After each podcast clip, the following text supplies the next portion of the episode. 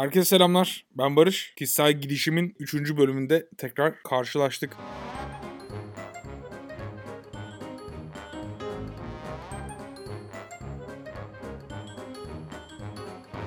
İkinci bölümle üçüncü bölüm arasında biraz fazla zaman aralığı oldu. Kusura bakmayın. Bir, çok yakın bir dostumu kaybettim. Onun üzüntüsüyle pek hiçbir şey yapmak istemedim açıkçası ya ne yalan söyleyeyim. Gerçekten içime hiçbir şey yapmak gelmedi. Onun dışında bir de galiba bu karantina mevzusu çok canım sıkmaya başladı benim. Ama hepimizin öyledir diye tahmin ediyorum. Nasıl diyeyim? Sabah hiçbir şey yapmak istemeyerek kalkıyorum. Ve hani böyle anca böyle bir, bir litre kahve içtikten sonra falan biraz kendime gelmeye başlıyorum. İşte köpekle muhabbet ediyorum. Bir de eşim şöyle bir şey söyledi. Delirdiğimiz anlaşılmasın diye köpekle konuşuyormuş gibi yapıyoruz galiba dedi. Ona da çok hak verdim. Çünkü ben geçen gün kendimi kendi kendime konuşurken buldum. Ama bir yandan da şöyle bir şey var. Evet farkındayım. Hepimizin sosyal hayatları vardı. Dışarı çıkıyorduk, bir şeyler yapıyorduk. Konsere gidiyorduk. En kötü evin altındaki kafeye gidiyorduk. Mahalledeki kahveciye gidiyorduk. Ya da ne bileyim arkadaşlarla buluşuyorduk. Mutlaka bir şey yapıyorduk yani. Hani hiç olmadı kapının önünde ben arkadaşımla muhabbet ediyordum. Köpek gezdirirken muhabbet ediyorduk. Köpek sahibi arkadaşlarla falan. Tamam bunların hepsini kabul ediyorum. Şu anda sıkıntılı bir dönemden geçiyoruz ama şunu da unutmamak lazım. En azından kendi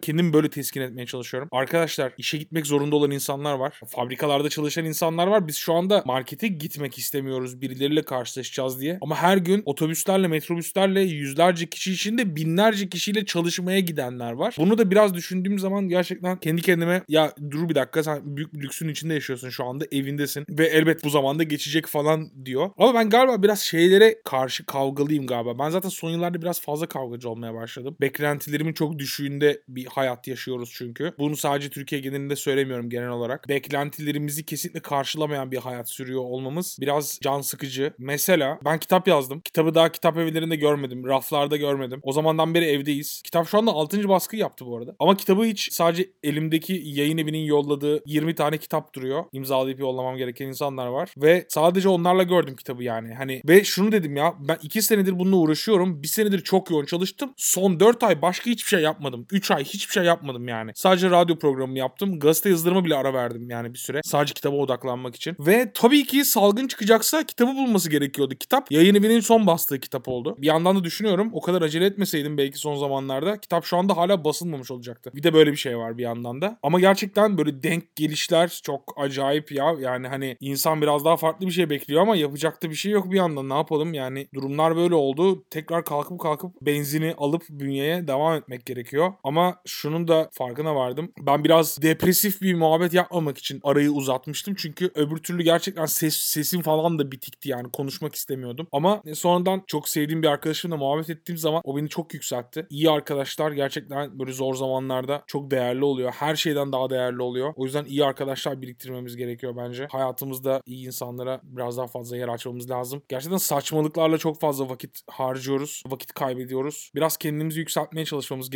Çok zor. Ben çok uğraşıyorum yani gerçekten çok bu kadar sinirli olmamak için çok uğraşıyorum ama elimden geleni yapıyorum. Mesela en son yaptığım saçmalığı anlatmak istiyorum size. Bir tane müzik grubu mail atmış. Bizim şöyle şöyle bir grubumuz var. Fotoğrafları, linkleri bilmem neleri gayet temiz. Fakat içeride epik duygulardan besleniyor falan gibi bir şey yazmış. Dayanamadım. Hiç yapmayacağım şey mail attım. Cevap verdim. Dedim ki hangi epik duygular ve epik duygu nedir yani? Hani hangi epik duygulardan beslendiğinizi merak ettim. Yani hani epik bir, bir duygunun epik olması için ne gerekli? Birisine epik olan şey başkasına ne olabilir acaba diye insan düşünüyor. Ben de hiç yapmayacağım bir şekilde bomboş bir hareket yaparak bu maili attım. Ondan sonra mail listelerine beni PR listelerine alanlara tek tek mail attım beni bu listeden çıkartın diye. Çünkü tencere tava listesi falan yani hani tencere tava bülteni yolluyorlar bir yandan. Bunlara falan sinirlenmeye başladım. Böyle şeylerle belki de şu karantina mevzusu bittiğinde biraz daha böyle rahatlamış bir hayata mı acaba adım atacağım diye de düşünmüyor değilim. Ama hayatım her zaman böyle değildi. Yani her zaman bu bahsettiğim sıkıntılı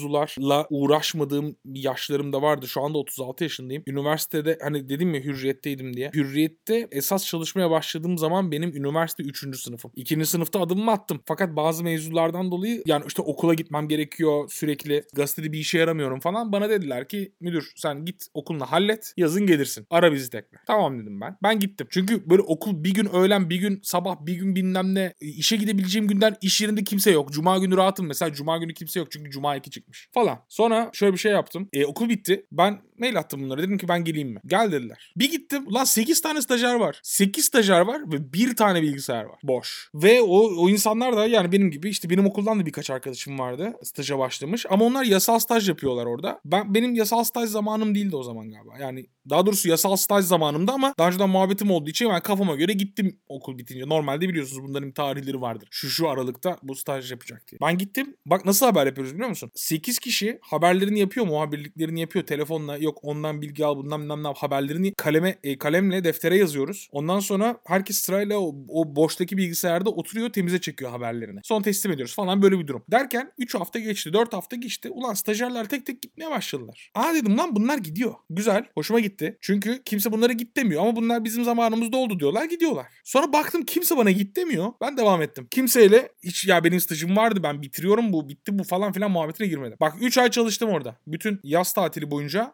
yardırdım. Tam o sırada ne oldu biliyor musun? Seyahat ekinde bir tane çalışan bir muhabir kız vardı. Kız biraz sinirli bir kız. Atarlı. Ya bize karşı değil. İş yerinde çok fazla böyle bir atarı yoktu yanlış hatırlamıyorsam ama açıyor telefonu muhabir. Otel sahibiyle kavga ediyor mesela tamam böyle. Ama ya böyle siz kimsinizler falan havada uçuşuyor. Ondan sonra en son editör vardı. Emel Armutçu. Sonrasında Hürriyet'te de bayağı acayip şey oldu. Emel hanım o zaman bu kızın adı neydi hiç hatırlamıyorum. Onunla konuştu dedi ki ya biz seninle yapamayacağız falan sen git. Kız gitti. Kızın bilgisayarı boş. E, ne yapacağım? O bilgisayara benim kurulmam lazım. Çünkü sen kurulmazsan başkası kurulacak. Kimse de sana git o yer senin demiyor bu arada. Okey. Ertesi gün geldim. iki tane kitap koydum bilgisayarın yanına. Çalışmaya başladım. Ertesi gün geldim kül tablosu koydum. Evet bu arada 6'dan sonra içebiliyorduk sigara. Haber müdürlerimiz falan tabii gündüz de içebiliyordu da biz o kadar öyle daha öyle yeni yetmeyken orada öyle sigara yakamazsın gündüz. Kül tablosu koydum. Fincan, kitaplar, defter bilmem ne falan derken kimse bana bir şey söylemedi ama ben o mekanın sahibi oldum. Stajyerim yani bu arada. Ne para alıyorum ne bir şey alıyorum. Hiçbir şey almıyorum. Sonra ben orada tabii şunu fark ettim. Bunları hakikaten uyanman gerekiyor gazetecilikte ya da başka herhangi bir meslekte. Artık bunların bu arada bir geçerli var mı? Şu andaki iş yerlerinde nasıl mevzular dönüyor? En ufak fikrim yok. Ben oradayken şöyle şeyler oldu. Muhabbet etmen gereken çok böyle net adamlar var. Net insanlar var. Atıyorum sayfa sekreteriyle arının iyi tut. İşte o zamanlar bizim patronumuz vardı. Nehri Özkan. Efsane gazetecidir. Nehri Özkan'ın asistanı vardı. Cem abi. Cem'le ben muhabbetim çok iyiydi. Sonra ben bir şey fark ettim. Atıyorum benim giriş kartımda işte öyle bir geçici giriş kartı yazıyor Hürriyet. Ben gittim dedim ki ya bunda en azından bir bir şey olsa da fotoğraf fotoğraf bilmem ne hallederiz falan oldu. İşte bilmem kime git hop gidiyorum oluyor. Neden? Çünkü ben aralarda o insanlarla sigara içiyorum, muhabbet ediyorum. Keyif alarak yapıyorum bunu bu arada yani bir çakallık olarak değil. Sonrasında atıyorum mail adresine ihtiyacım var. Haber müdürümüz Ayşen Gür'e gidiyorum. Ayşen Hanım diyorum yani benim ben insanlara mail atıyorum haber için de yani Gmail, Hotmail yani ne, nasıl olacakmış? Sen diyor tamam hallederiz. Cem'e söyle halletsin diyor. Tak bir söylüyorum. Küt bana bir tane bak Polat Hürriyet mail adresi geliyor. Yıllarca da onu kullandım bu arada. Falan derken bu arada benim 5 kuruş para almıyorum kullanmıyorum. Fakat işte kimlik kartım var, hürriyet kartım var. Servisi zaten kullanıyorsun. Onda sıkıntı yok da. Mail adresim var falan derken ben böyle hakikaten hürriyetin bir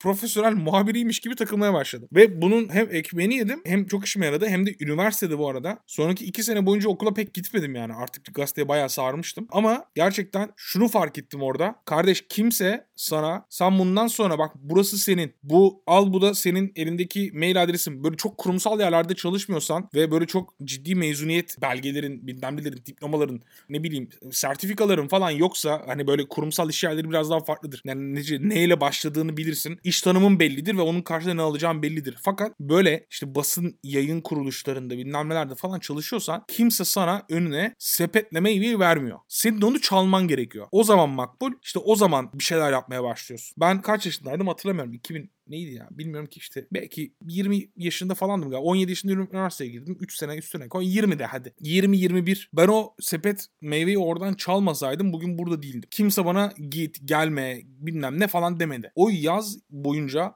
eşek gibi çalıştım orada. Sabah akşam çalıştım eve gitmedim. Sevgilim de yoktu. Daha doğrusu vardı ayrılmıştım galiba hatırlamıyorum şimdi. Patrona gittim dedim ki patron dedim benim okul açılıyor Nehri Hanım'a. Benim okul açılıyor. Ben dedim şimdi burada da stajım vardı benim onu da hallettik. Ben dedim tatile gitmek istiyorum. Dedi ki tamam git dedi. Okulunu ayarla. Ondan sonra bekleriz biz seni dedi. Dedim ki okul tamam. Okulda problem yok. Zaten okul açıldı dedim. Ama ben dedim bir hafta tatil yapayım ben. Okulun ilk haftası gitmedim okula tabii ki. Sonra döndüm devam ettim hürriyete. Dan dan dan hiç durmadan yani. Ondan sonra hiç aralık verilmedi o hayatımda. Bir tek askere gittiğim zaman o da işte 2008 yılında askere gittiğimde oldu. Yani kısacası şu anda çok ciddi bir hayatımızda bir şeyleri beklediğimiz için bir şeyi tırmalayamadığım için rahatsız hissediyorum kendimi. Böyle eksik, böyle boş duruyormuş ve tembel hissediyorum. Sonradan aklıma geliyor aslında herkes böyle şu anda. Ama şansımı zorlayarak bir şeyleri elde etmeye o kadar alışmışım ki şu anda bana biraz zor geliyor bu mevzu. O yüzden biraz canım sıkkın. Bugünkü mini cast'imiz bir tık daha uzun oldu birkaç dakikada. Ama bu muhabbet devam edeceğim. Galiba açılıyorum. Kadınların neden depresyona girdikleri zaman saçlarını kestiklerini şu anda anladım. Çünkü dün gece canım sıkıldı ve iğrenç uzamış normalde hiç o kadar uzamayan saçlarımı o halde görünce delirip saat 2'de kafamı kazıdım. Ve şu anda bir tık daha iyi hissediyorum kendimi. Ama şu anda üst tepemdeki battaniyeden de çok rahatsız olmaya başladım. Kendinize iyi bakın. Arayı bu kadar açmayacağım bundan sonra. Dördüncü bölümde görüşmek üzere.